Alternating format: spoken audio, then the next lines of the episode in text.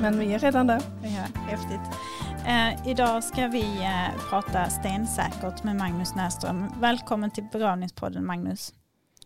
Tack så mycket. Jättetrevligt. Hur är det med dig? Jo, det är bara bra. Det, det stundar semester och sommaren verkar ju komma till oss. Ja.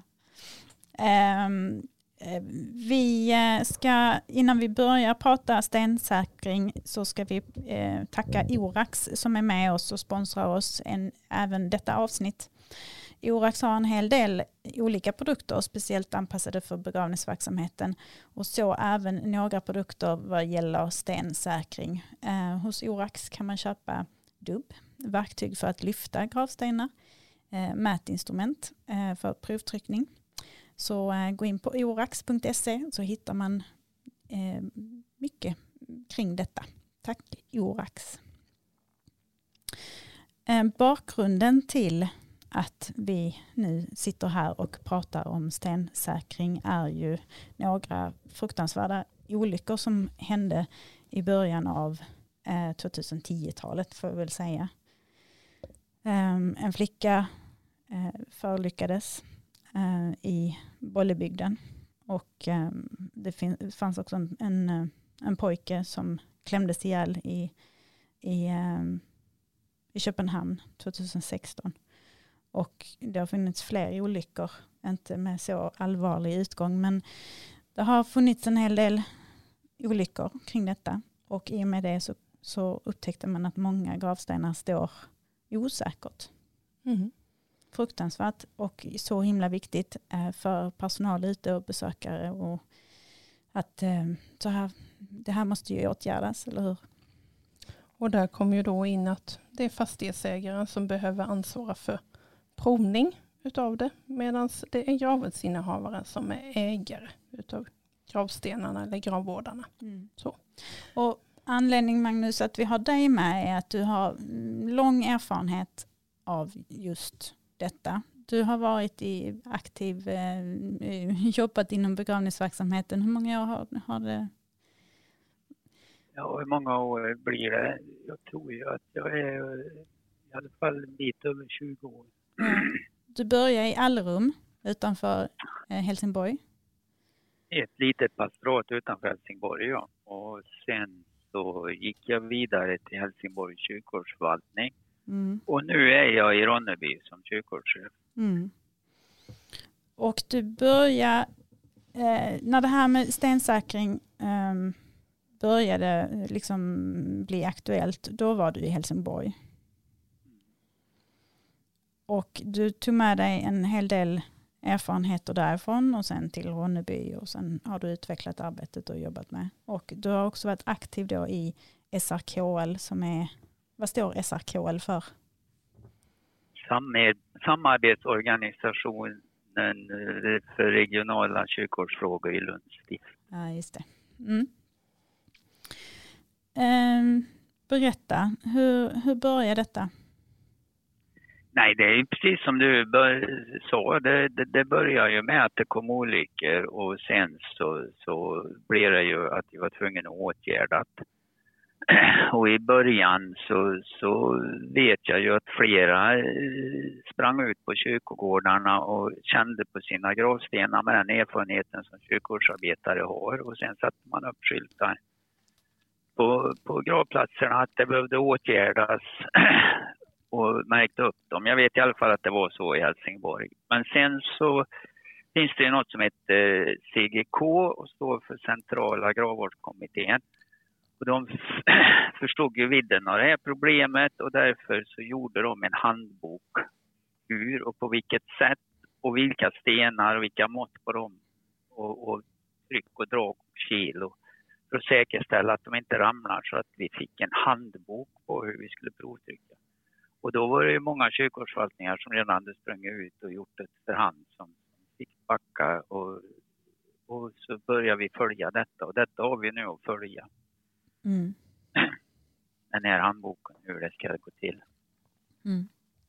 Och den är ju uppdelad i flera delar idag. Från början var det ju en, en handbok och nu är den i olika delar beroende på om det är provning av gamla stenar, befintliga stenar eller det är nyuppsatta. Um, och även någon ytterligare del där va Magnus? Ja, det är ju hur du ska montera dem mm. uh, och, det har ju funnits länge. Men sen så just det här med provtryckning så, så när de första materialet som kom så sträckte ju sig det till stenar som var, uh, gick upp till en höjd av 150 centimeter. Och sen funderar de på hur, hur, nästa handledning skulle bli på ännu större stenar och då, då fick vi den här Göteborgsmodellen och den är inte så gammal. Den tror jag att CGK nu har gått ut med och, och det är ju från förra året som de gick med den. Mm. Och det är en slags vinkel och mätmetod. Man kan inte trycka de här stora stenarna. Det är en, en vinkel och en mätmetod, en riskbedömning som måste ske. Men eh, det här är, jag, jag säger ett stort eh, administrativt eh, arbete kring detta. Hur ska man tänka när man, eh, när man gör detta? Ska man, eh... ja, vi gjorde ju på innan, innan eh, så hade jag ju en grupp som en stengrupp inom SRKL och det var vi en stor förvaltning, en medelförvaltning Helsingborg och en liten förvaltning. Så, och så pratade vi tillsammans vad vi hade för resurser och så här och, och det finns ett, ett, ett material att hämta från SRKL där vi bland annat skriver att det vi missade i Helsingborg det var administrativa tider. Mm. Och, och, när vi liksom jämförde oss i hur många stenar har vi testat med Malmö och i Hör och hur mycket tid kan vi beräkna så blir det att ungefär 10 minuter per sten var administrativa kostnader. Alltså tid för assistent administrativt. Brevutskick, svara på brev, hantera eh, breven ut till privata eh, gravrättsinnehavare som ska åtgärda stenen. Mm. Att det är deras ansvar. Mm. Har det projektanställts någon för detta eller har det, är det tid som har funnits eh, eh för den befintliga eh, personalen eller hur har ni löst det i Helsingborg och Ronneby? I Helsingborg så, så löste vi det genom att vi projektanställde mm. eh, på 50 procent för att ta hand om ett administrativt i början. Och sen så i Ronneby så, så är det ordinarie personal, en kyrkogårdskoordinator. Och man är så pass stor som man redan har administrativ personal på. Mm. Så, så har det ju fungerat. Och sen så har ju assistenterna har ju fått lärt sig att se och skicka brev och, och fakturor. Det beror på hur man löser det också, det här med åtgärdspaketet sen efteråt när man konstaterar att en sten ska åtgärdas. Så finns det olika lösningar. Som eh, en del förvaltningar de, de eh, åtgärdar själva. De Malmö tillräckligt stora så de hade ju stentjänster där som kunde ta hand om säkringen. Prova stenen, se att den var dålig, skicka brev och så, så erbjuda inom serviceverksamhet Gärdalssten. Mm. Sen så var det som i Helsingborg, där tog vi och gjorde allt arbete och sen så lämnade vi över materialet till en, till, till en extern firma och sen sa vi till gravrättsinnehavarna att ni får ju välja men vi har i alla fall här så att vi kan erbjuda en extern firma direkt och sen släppte vi allt och fick de ta garanti och fakturering och allt. Mm. I Ronneby gör vi så att vi tar på oss fakturering, garantier men använder i sin tur använder vi en extern men det viktiga är, tror jag, när man skickar det här brevet, det är att se till att man får välja själv. Mm. Det är deras sten, de får välja själv. Mm. Jag vet som förvaltning, de skickar bara brevet och så skickar exempel på fyra kontaktuppgifter till tre, fyra olika stenfirmor. Och det är ju viktigt att det här brevet är tydligt och informativt så att man, man förstår när man är mottagare av det. För annars så blir det ju ganska mycket mer telefonsamtal för förvaltningen att hantera och då, då springer den här administrativa tiden iväg som du pratade om Magnus. Att det, har man formulerat brevet bra är min erfarenhet så blir telefonsamtalen betydligt färre. Eh, jag jobbade med att vi hade en svarstalong att skicka tillbaka. Just de fick välja men de hade en svarstalong eh, på vad de valde. Och det gjorde ju att telefonsamtalen och frågorna gick ju ned i förhållande till första läget. men det är helt rätt. Det upptäckte ju vi med. Vi, fick ju, vi gick in ständigt på andra formuleringar. Vi fick ju telefonsamtal på olika formuleringar. Så att det, med den erfarenheten så, så, så blir det ju det var ju igång i Ronneby när jag kom, men jag tog med mig mina erfarenheter och såg att redan det fick vi också gå in och ändra i brevet. Så att det har man fått gjort revidera hela vägen och sen en svarstalong är jätteviktigt. Mm.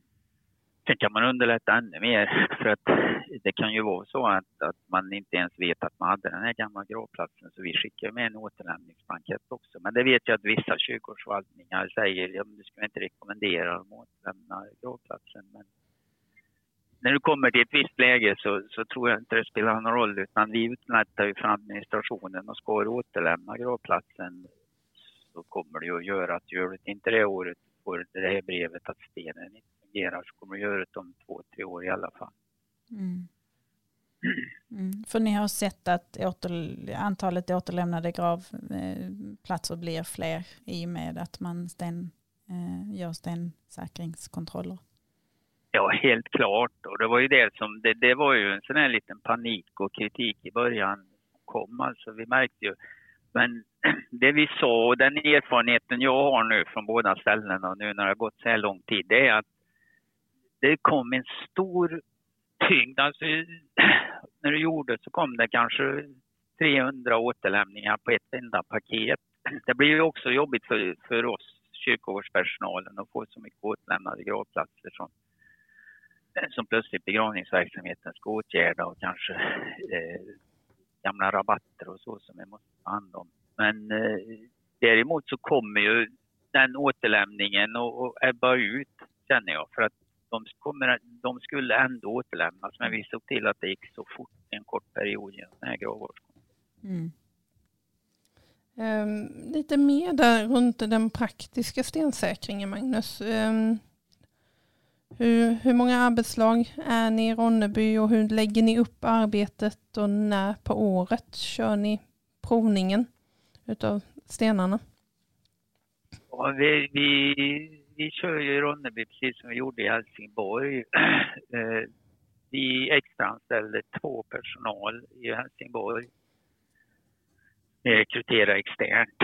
I Ronneby så har vi använt egen personal och, och rekryterat personal till kyrkogårdsarbetet. Men eh, nu så gick den ena i pension när vi gick på de här större stenarna hos oss med vinkelmetoden. Så nu tog vi in en extern firma som gör provtryckningen. Mm.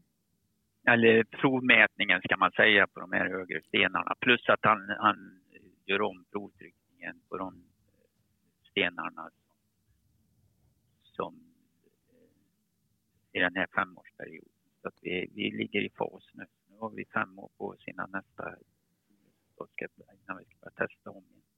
Ja, så ni har hunnit igenom hela gravstensbeståndet med eh, CGKs gällande eh, provtryckningsmetoder då i en omgång? Ja, mm.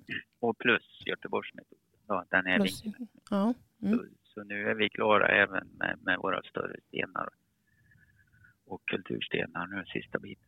Mm. Är det många som ligger så långt fram eller är ni en, en av de förvaltningarna som har kommit längst?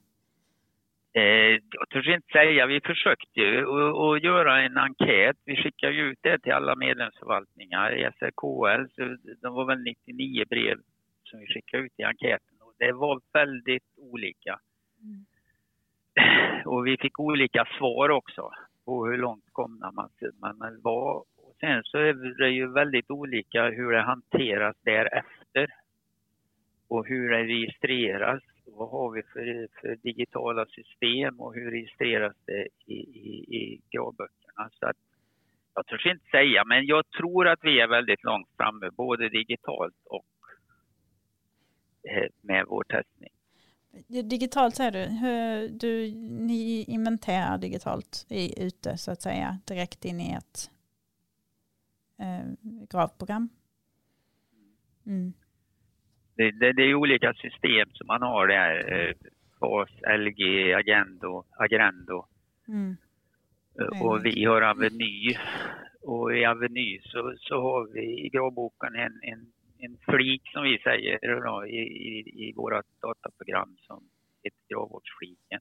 Mm. Och sen så kan vi ta en padda med oss ut och ta med hela gravprogrammet och kartan med oss ut i något som vi kallar för webbgrav. Mm. Och, då, och då gör vi ju testningarna och mätningarna ute på plats och registrerar direkt in i gravboken. Mm.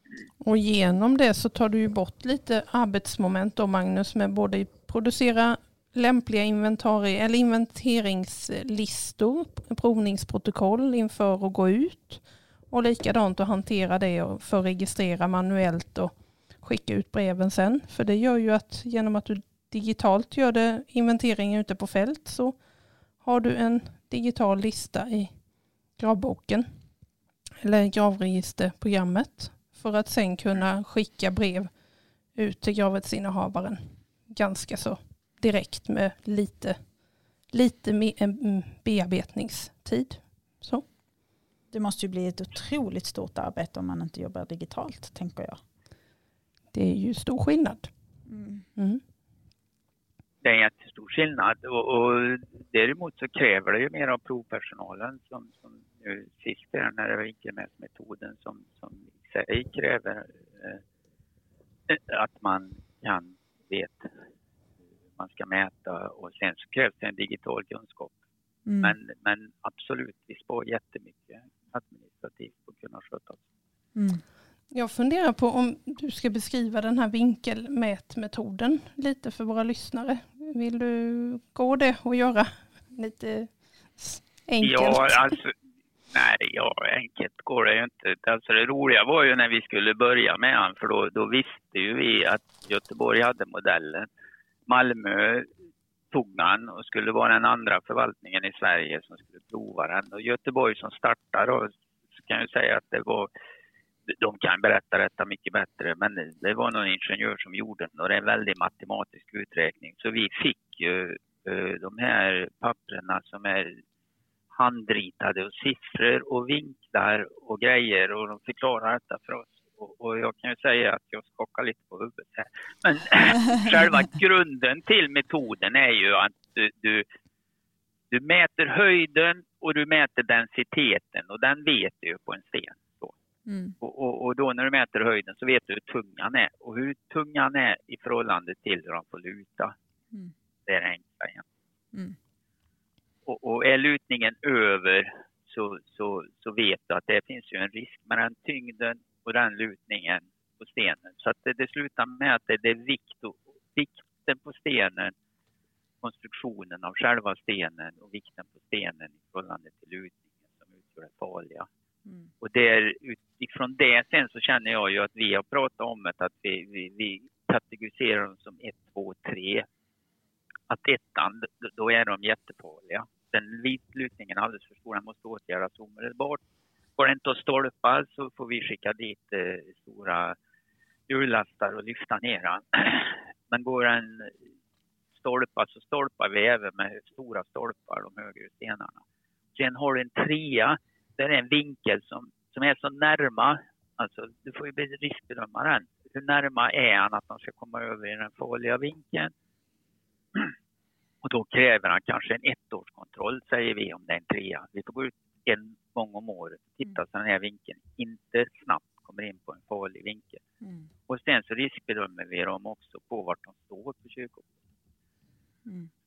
De som står och är närma en farlig vinkel. Så så det är väldigt mycket bedömning och, och kunskap som krävs uh, i den här metoden. Mm. Men är det, är det en klassificering som ni själva har uh, hittat på? Det är ju så man får göra. När vi var i Göteborg där på studiebesök så, så pratade vi med dem och det är där de sa det. Det var deras erfarenhet nu. De var ju också anställda stenarbetare och hade jobbat länge. Det var ju deras erfarenhet som sa att den här får vi gå och kolla en gång om året. Och då, hur de gjorde exakt sen administrativt, det vet jag inte. Men de hade ju en röd lista där. Då får de gå och titta på dem en gång om året. Mm. Så att det är riskbedömning som man får liksom utbilda sig. Det vi gjorde i Ronneby, det var ju att jag och administrativa kyrkogårdskoordinatorn och den här firman som vi använde, att han, vi tre gick ut och tittade han sa de här får ni hjälpa mig med och så fick vi hjälpas åt att bedöma dem och titta på dem. Mm. Hur farliga är de och vart ska de hamna på, på i, i nivån. Mm. Så helt enkelt är inte detta och det är det jag lite känner varför jag startar den här gruppen inom SRK. Det är ju för att vi får de här anvisningarna från CEK, de här centrala. Gör så här, ni trycker 35 kilo fram och ni drar bakåt. Här får ni vinkelmetoden, ni mäter stenen, ni får eh, uppgifter om densitet på olika stenmaterial och vilken vinkel det ska vara. Men det som jag tycker vi saknar det är just den här erfarenheten, att få prata med varandra hur vad händer sen och när vi är personal, när vi väl står på plats? Där känner jag att den handboken skulle fortsätta ut liksom. Mm. Eller vi pratar med varandra i alla fall. Mm. Nej för det här jag tjuvläste lite här under tiden du pratade Magnus och där, där finns ju ingen sån här etta, tvåa, trea i riskklassning i handboken där. Så där är ni ju Nej. på väg vidare och det är ju klokt för det följer ju även den här riskbedömningen man har när det gäller träd. Man har en fyrgradig riskklassning mm. på det från låg till extrem risk och då, då har vi lite samma tänk mm. här. Mm. Um, vi får då, hoppas att podden här hjälper till att, uh, att sprida era erfarenheter Magnus. Mm. Det var ju meningen att vi skulle börja en sån grupp igen Eh, eh, men nu kom pandemin i vägen och så här. Men ambitionen finns inom SRK att vi ska göra en arbetsmodell just för att och liksom fortsätta där CGKs anvisningar slutar och att vi kan liksom komma in från olika håll med vår erfarenhet och, och teckna in lite vad vi har mött för bekymmer. Mm. Har du koll på om det finns motsvarande arbetsgrupper i de andra regionerna runt om i landet? Nej, Nej. Det vet jag inte. Det, det får ju CGK svara på i så fall mm. om de vet. Ja, eller så slänger vi ut frågan att uh, det finns ju ett läge för fler regioner att ha motsvarande grupp eller samarbete mm. runt de här frågorna. Mm. Och att man kanske mellan regionerna kan knyta, knyta sig samman. Så. Mm. Förklarar vi CGK också, gjorde vi det, vad det står för? Jag tror vi ja, sa det, det. men centrala gravvårdskommittén säger vi igen. Mm. Så. Det är många förkortningar i det här sammanhanget. Och han består ju av, av folk från stenindustrin och uh, kyrkogårdsförvaltningen och vår eh, arbetsgivarorganisation som, som handhåller arbetsmiljöfrågorna för oss. Mm. Ja, för det är ju både säkerhet för personal som det här är viktigt att göra för, men också då för besökare på begravningsplatserna.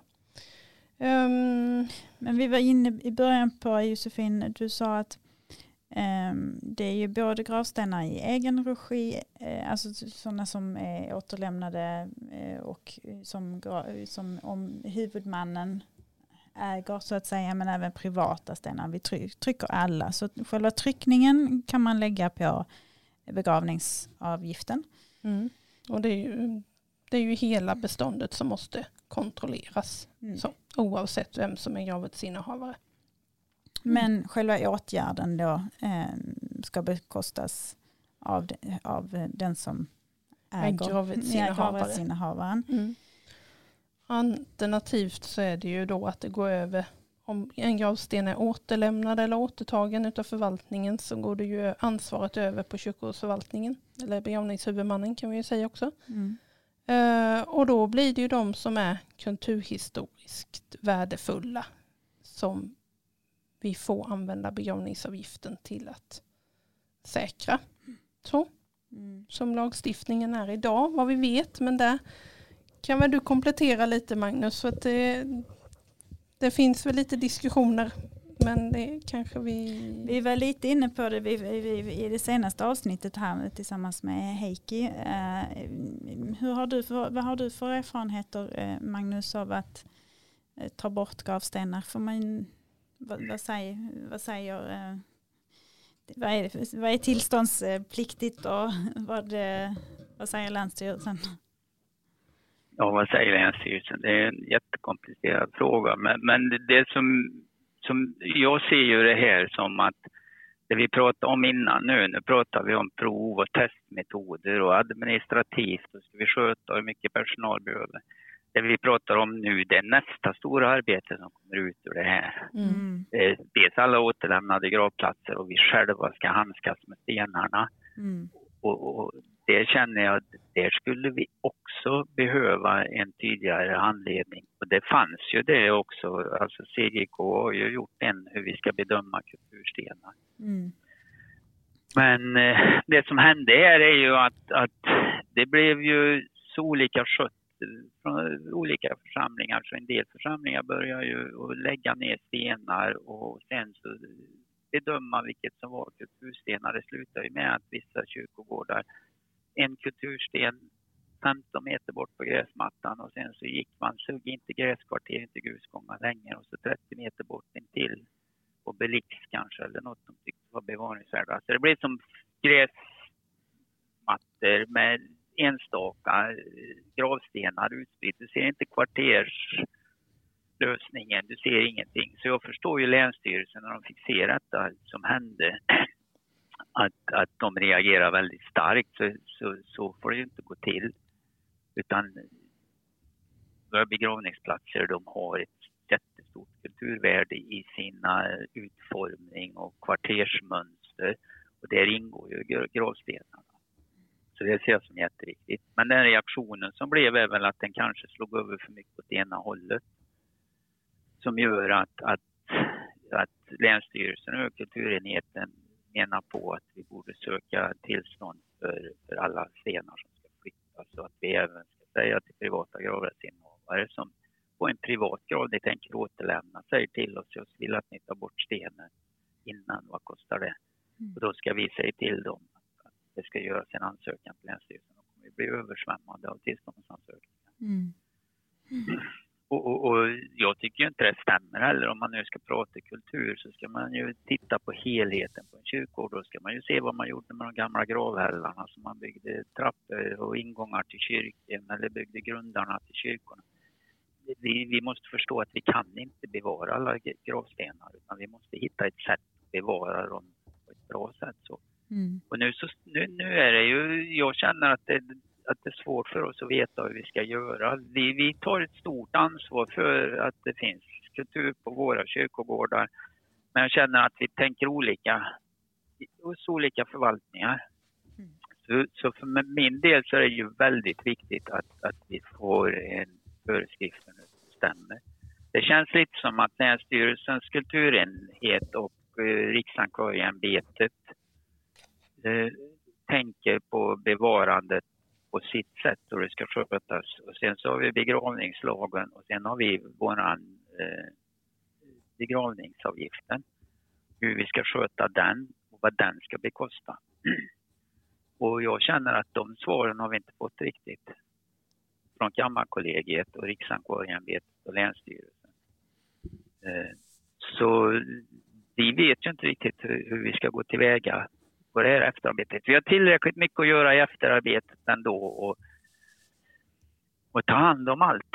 Alla våra egna gravplatser nu som, som står stolpade och, och eh, såna här koffertstenar som vi säger och stenar som vi inte kan se. Själva stenen äger absolut inget kulturvärde. Nej. Nej. Och... Skulle vi ta hand om allt bara i Ronneby så skulle, jag höja min budget kanske med, med en miljon per år för att komma ikapp och, och åtgärda alltihop. Och då pratar jag bara om en enda. Bara en kyrkogård? Ja, och då har du ju både den här delen Eller som är... kyrkogårdar är vi, ja. ja. Mm. Men säg då, då har du den delen att åtgärda allting, men innan dess så har du ju då kostnaden för att inventera allting och bedöma är det kulturhistoriskt eller inte.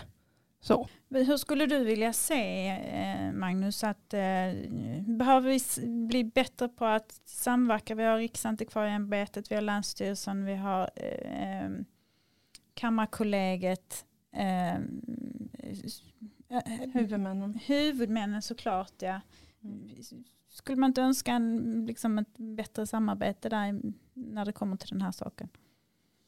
Jo, absolut. Och jag vet ju att de hade e-, ett möte och Riksantikvarieämbetet och, och Kammarkollegiet och kulturenheten just för att, för att hitta den här bedömningen. vad ska bekostas av vad? Eh, på våra återlämnade stenar och hur ska man bedöma eh, kulturhistoriskt värdefulla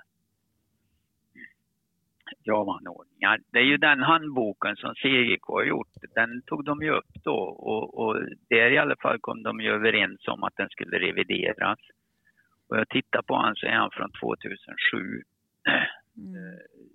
Mm. Jag tror att CGK tittar på han eh, och att de kanske har gjort vissa uppdateringar men jag vet inte om de är riktigt överens om alla uppdateringar. För den ska ju vara en handbok för hur du ska gå ut och bedöma och inventera kulturhistoria. Så det är inte alls det med som de är kvartershänsyn, det är som de efterlyser. Mm. Sen så vet jag att det skulle vara ett sånt möte i Linköping, så jag Mm. Och så kom pandemin mm. och då skulle de träffas igen och mötas och då skulle de just ta upp de här frågorna och på det mötet var jag på väg men det blev inställt. Så att de är inte klara där, de har inte kommit överens. Enligt mig har de inte gjort det, men då får de ju när de lyssnar på podden eller någon som gör det här säga nej, det är helt klart nu och vi vet att vi ska göra så. Men... Ja, och då kan vi komplettera. Och de är så enkelt. välkomna hit också. Yeah. Ja. ja. Um, men man kan ju säga um, att uh, kulturmiljölagen i de här avseendena har ju också hunnit revideras sen då handboken skrevs. Så att handboken har ju inte de senaste ändringarna i kulturmiljölagen. Nej. Nej, sen så, sen, men nu ligger det några ärenden för, eh, som har överklagats. Så mm. här i, i, eh, vi har anledning att komma tillbaka till, till detta. Till frågan ja. Absolut. Precis. Och precis som Heikki var inne på i förra avsnittet här så vi ska bevara och använda och utveckla våra begravningsplatser. Mm. Uh, och, det här, och vi har tusen, mång, tusenåriga begravningsplatser och de har använts på många olika sätt genom åren. Uh, så att, uh, att återskapa och återanvända mark är ju inget konstigt. Nej. Och sen så måste de ju förstå, liksom, så är det väl i alla verksamheter, men vi som är praktiskt ute nu, vi står ju där med massa stolpar i. Mm. Eller nedlagda gravstenar. Mm. Vi har ju folk som kommer och går, vad gör ni på våra kyrkogårdar? Hur länge ska stolpen stå kvar? Vi har kyrkogårdspersonal som frågar oss, hur ska, ni ta, ska, ni, ska vi ta bort den stenen? Nej, vänta nu, vi vet inte om vi ska ta bort den stenen. Vi, vi behöver ju hjälpen nu, det är nu det sker. Va? Mm. Och, och, nu så, så känns det lite som att vi står lite i moment 22, så att det, det är en bra efterlysning här i begravningspodden. Mm. Att sätta igång med detta arbetet och ge oss tydliga riktlinjer. Mm. Mm. mm. Mm. Ja, och utan att vi liksom överbyråkratiserar det hela. För det, det, får ju liksom inte bli att det blir värsta monsterhjulet. Utan då blir det ju att det, stenarna ramlar och då helt plötsligt har vi ju inte nått någonstans med säkringsbiten. Så att, Nej. Men vi har pratat provning och vi har pratat eh, problematiken runt eh, återlämnade, återtagna gravstenar och den kulturhistoriska inventeringen och dess svårigheter i det här sammanhanget. Säkring utav gravstenar. Ehm, du sa någonting där i början Magnus om att ni tar in extern leverantör på den biten. Det är ju olika kött. Eh, och det märker vi på den här enkäten. Det, det, som det är nu så, så är det ju jättemånga firmor som, som vill in och ta eh, arbeten in. Så det är ju bara jättepositivt. Eh, jag vet ju förvaltningar som, som köper både testning och åtgärd av samma firma och det kan väl jag säga i alla fall med min erfarenhet att jag ser viss tveksamhet Jag ser det lite som en bilprovning. Prova bilen, sen så säger han när jag lagar de här tvåorna. Jag kan se någon viss moralisk Jag förstår precis vad du menar. Ja, mm. det kan man väl eh, hålla med om. Absolut. Och jag vet någon finns... förvaltning som resonerar lite det här myndighetsutövning. För det, vi är ju vi håller på med myndighetsutövning och vi, när vi provar att då också samtidigt kunna gå in och åtgärda. Så det, det här resonerar man ju olika mellan förvaltningar. Men det är viktigt att ha mm har tänkt igenom sitt ställningstagande. Eh, mm. Oavsett om man väljer att handla upp med entreprenör eller om man tillsätter personalresurser för att tillhandahålla tjänsten inom serviceverksamheten. Så. Mm. För Nu måste det är ju vi viktigt. Det det för, I svarsbrevet så är det viktigt och, och just som du sa i början, det är att det är viktigt att ge dem alternativ. Mm. Åtgärda själv, eh, fråga oss om nedläggning, för det vill vi att de ska prata med oss om de vill lägga ner stenarna och det kan vi hjälpa dem med. Men då ska vi bedöma det på upplåtelsevillkoren och hur ser gravplatsen ut? Man kan inte bara lägga ner en stor gravsten som täcker ner gravplatsen. och kanske inte går att sköta rationellt eller rabatter behöver flyttas och buskar så, så de ska fråga oss. Och sen så är vi ju väldigt tydliga med att markera att det finns externa firmer eller så kan vi hjälpa. Så får man en fyra kryssrutor där att kryssa i. Mm. Det är jätteviktigt. Mm. Och sen de som säkrar, olika säkringsmetoder och så, det, det finns ju i den här CGK-handboken och det finns det även i vår arbetsmodell. Man kan få SRK, olika typer. Och sen så försökte vi fråga på olika erfarenheter av de här olika säkringsmetoderna. Eh, Eh, men det har vi inte tillräckligt erfarenhet nu. Men vi kan ju i alla fall säga att det finns en lista från CGK där de, där de har gjort ett visst test. Att det ska klara 90 kilo tryck, alltså långt över de här 35 kilona. Och sen så handlar det ju om garantitid och så också, tycker jag. På hur man löser det. Mm. Och så ska vi väl dela upp den här säkringen då på att det som är en aktiv upplåten gravplats med gravrättsinnehavare, där är det gravrättsinnehavaren som är kostnadsansvarig. Eh, och där det är återlämnat och vi har gjort en kulturhistorisk bedömning och klassning så är det förvaltningen som blir kostnadsansvarig för åtgärden.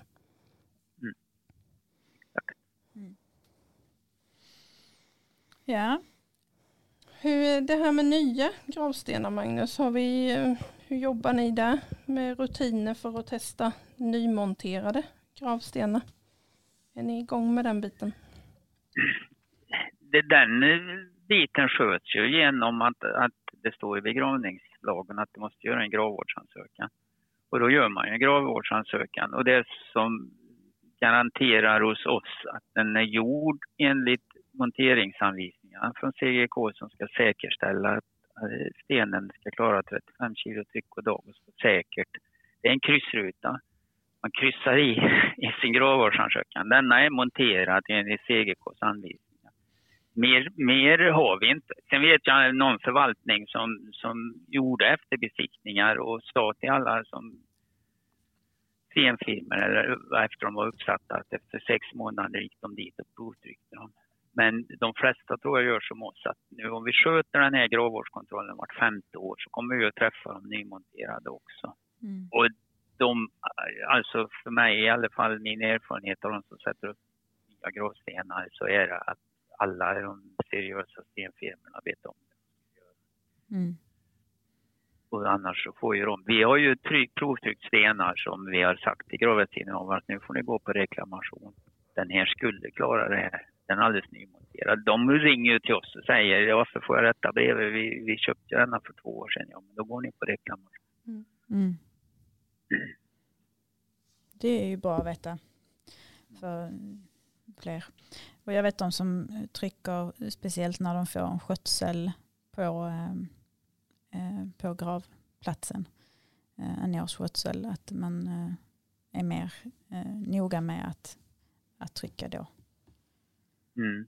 Av, eh, Jo, men det har vi också. Det är det från Helsingborg. Så vi har ett sån här, innan vi, vi tillåter skötsel så har vi ett besiktningsunderlag. Man får gå ut och besikta eh, rabatten och jorden och sen föreslår man åtgärder. Vi kan ju inte ta över en ogräsbefängd gravplats som har misskötts privat och sen vill de ha skötsel. Utan då säger vi vi får byta ut jorden, vi får lägga en, en slitlager, nytt gruslager om det är en grusgrav.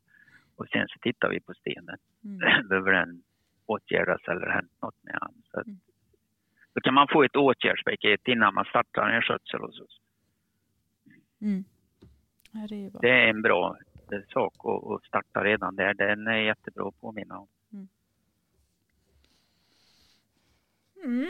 Vad, vad har vi kvar eh, kring detta ämnet? Josefin ser eh, fundersam ut. Magnus, har du något sådär eh, som du känner att vi har missat?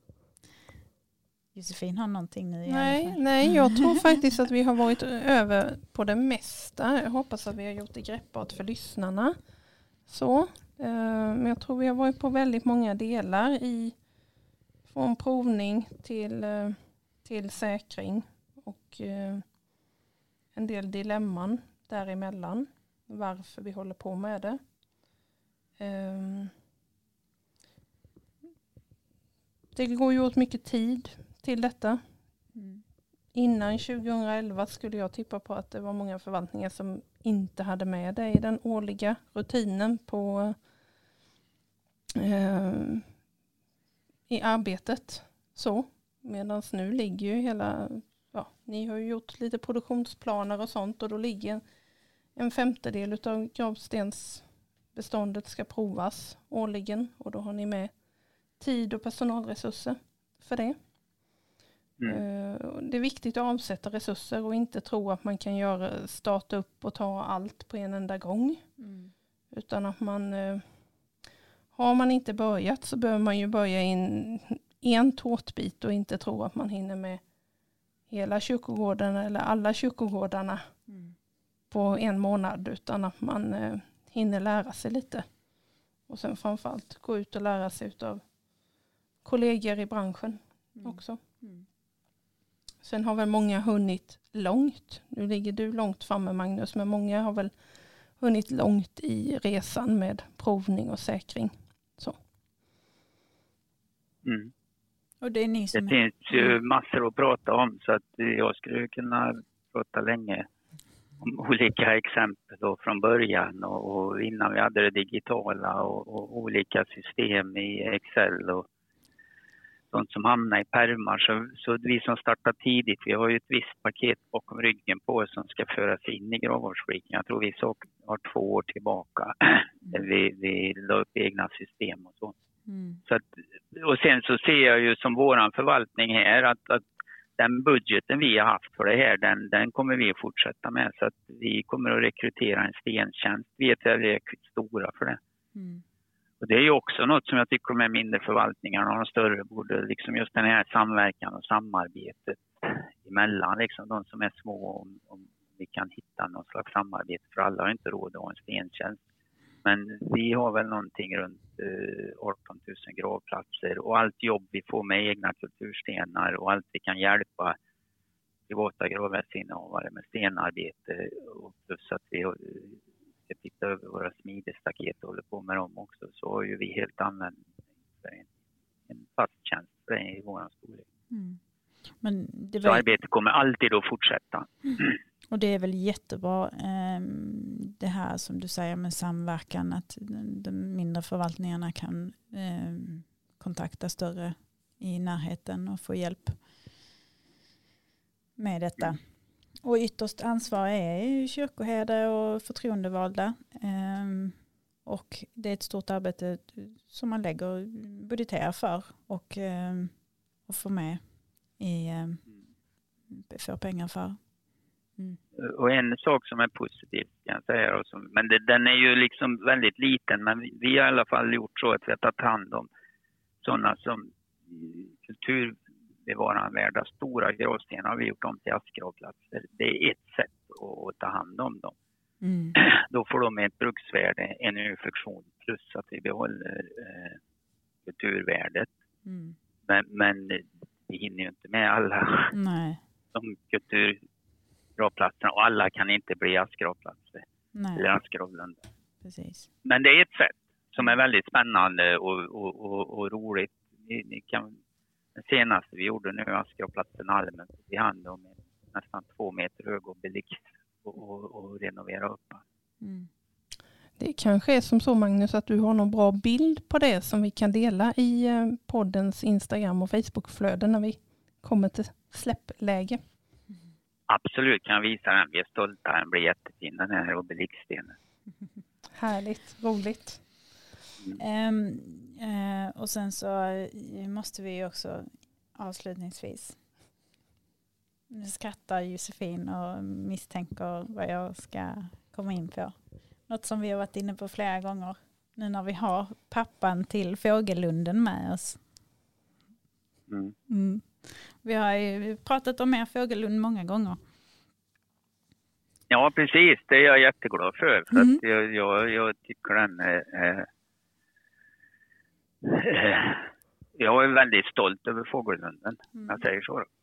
Den är så att jättefin. jag, jag, och jag tänkte att det här kommer nog att ta tid för, för folk att vilja välja den, men, men det har ju inte varit så, utan det är folk som verkligen väljer den för det konceptet.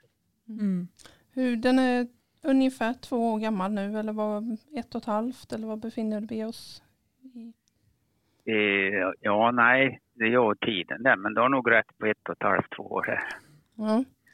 Eh, hur många är gravsättare idag? Jag tror vi är uppe i tio stycken. Mm. Det säger ju liksom, det, det är de stora förvaltningarna tycker jag, oj, oj vad är få personer. Jag var i Limhamn, jag vet inte vad Sven-Erik sa då, hur många det var per år som gravsattes i, i, i där. Men vi är ju, nej vi är väldigt stolta över det att de har valt det, just det här konceptet som är, som är det här naturkonceptet. Va? Mm. Att, att gravplatsen är kring ett träd. Mm. Och det har ju ni förklarat. Och sen Mm. så att, att vi, vi gräver ner askan på en biologisk nivå som gör att det, där har vi nematoder och, och biologisk aktivitet, fysisk aktivitet med regnvatten kommer ner och så. Så att den försvinner på sex månader och den näringen och det som händer med den är ju att, att det försvinner ju upp i trädet och vi har bara en skogsstig in så att den är inte, det får man ju också förklara väldigt tydligt att det inte är handikappsvänligt utan att det, det är den här naturplatsen. Och i och med att det är den här naturplatsen så har vi skapat en, en smickningsplats utanför. Det är ju det man ska sitta och lyssna på fåglarna och så. Och man får inte smycka vid trädet. Men vi har så att man får sätta upp en liten skylt av päronträ som vi sätter med en ekspik i trädet. Och den får sitta där så länge han sitter. Ramlar han efter tre år så ramlar han efter tre år och så. Och så försvinner in i naturen. Mm. Det är jättefint. Jag skulle säga mm, antal gravsättningar måste man ju alltid sätta i relation till vilken plats och vilken, alltså vilken befolkning finns det på orten. Så jag i ert fall tänker jag tio stycken på ett och ett halvt år det är väl ganska, ganska stor popularitet eller liksom stor eh, Andel av alla. ja, av andelen kremationer. Så. Ja, absolut. Och vi har ju andra skravlundar att välja på Mm, också. Så Precis. att, den, den konkurrerar ju med Minneslund och, och, och vår andra Askravlund och nu nya Askravplatsen. Så att det är ju konkurrens. Så i, den konkurrensen så ser jag att tio gravsättningar där är väldigt positivt för att jag tror att det skulle ta längre tid. Den, den, var ju inte kostsam att anlägga, eller det var ju så jag förklarade. Mm. Vi markerade ut träd och gjorde en skogsstig och gjorde en smyckningsplats så att det var inte alls stor anläggningskostnad. Mm. Och, och då, då kan man ju se till det så, så fungerar det alldeles utmärkt. Det är inte stor skötselkostnad heller. Vi håller stigen upp. Mm.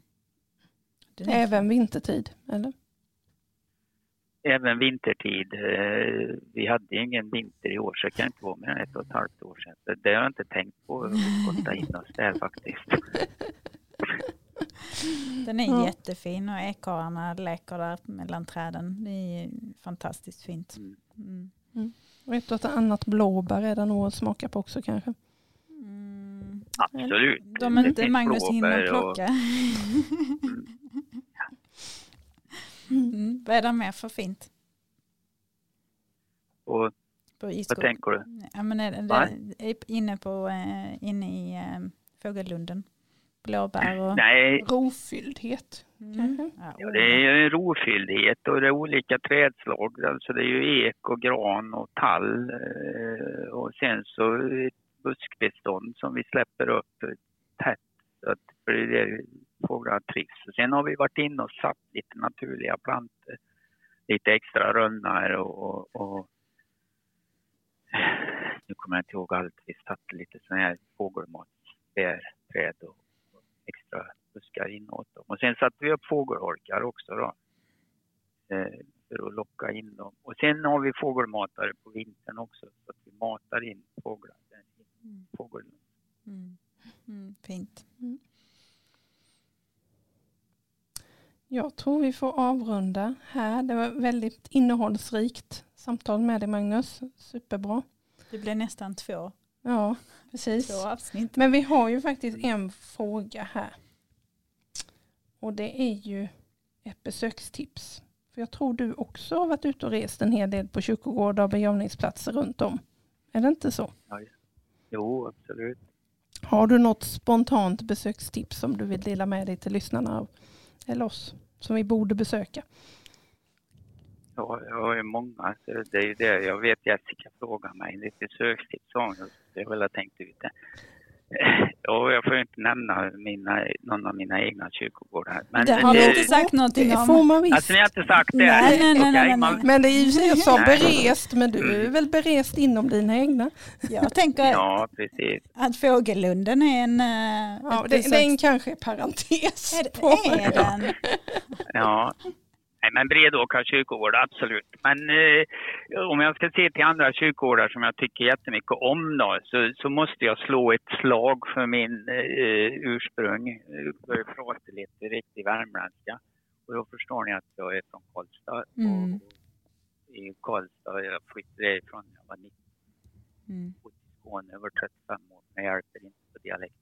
Mm. Men Karlstad kyrkogård på Rud, den tycker jag är en fantastisk kyrkogård på många olika sätt. Alltså. Och, och nu pratar vi om att även i sommar att vi kanske inte passen kanske tar oss utanför gränserna. Men håller vi oss inom Sverige så är Karlstad kyrkogård ett besöksobjekt för, eh, på det sättet. De här bergen och skogen kommer ner på den kyrkogården. Hur han är anlagd i de här bergkvarteren. Det ligger ju släktingar till mig där uppe i bergen. som jag går vilse i- när jag hittar dem. Men Nej, så är det inte. Mm. För det finns kartor och så. Men den är en fantastisk kyrkogård. Och sen så har man ju kulturen, Mm. deltalandskapet och allt möjligt i Värmland. Så, så Ruds kyrkogård i Karlstad. Mm. Mm, då Magnus. får vi åka till Värmland vid Mm. lämpligt läge. Mm. Så. Magnus, tack så jättemycket för att du var med oss. Mm. Och så tackar vi eh, Orax som har varit med och sponsrat detta avsnitt. Tusen tack.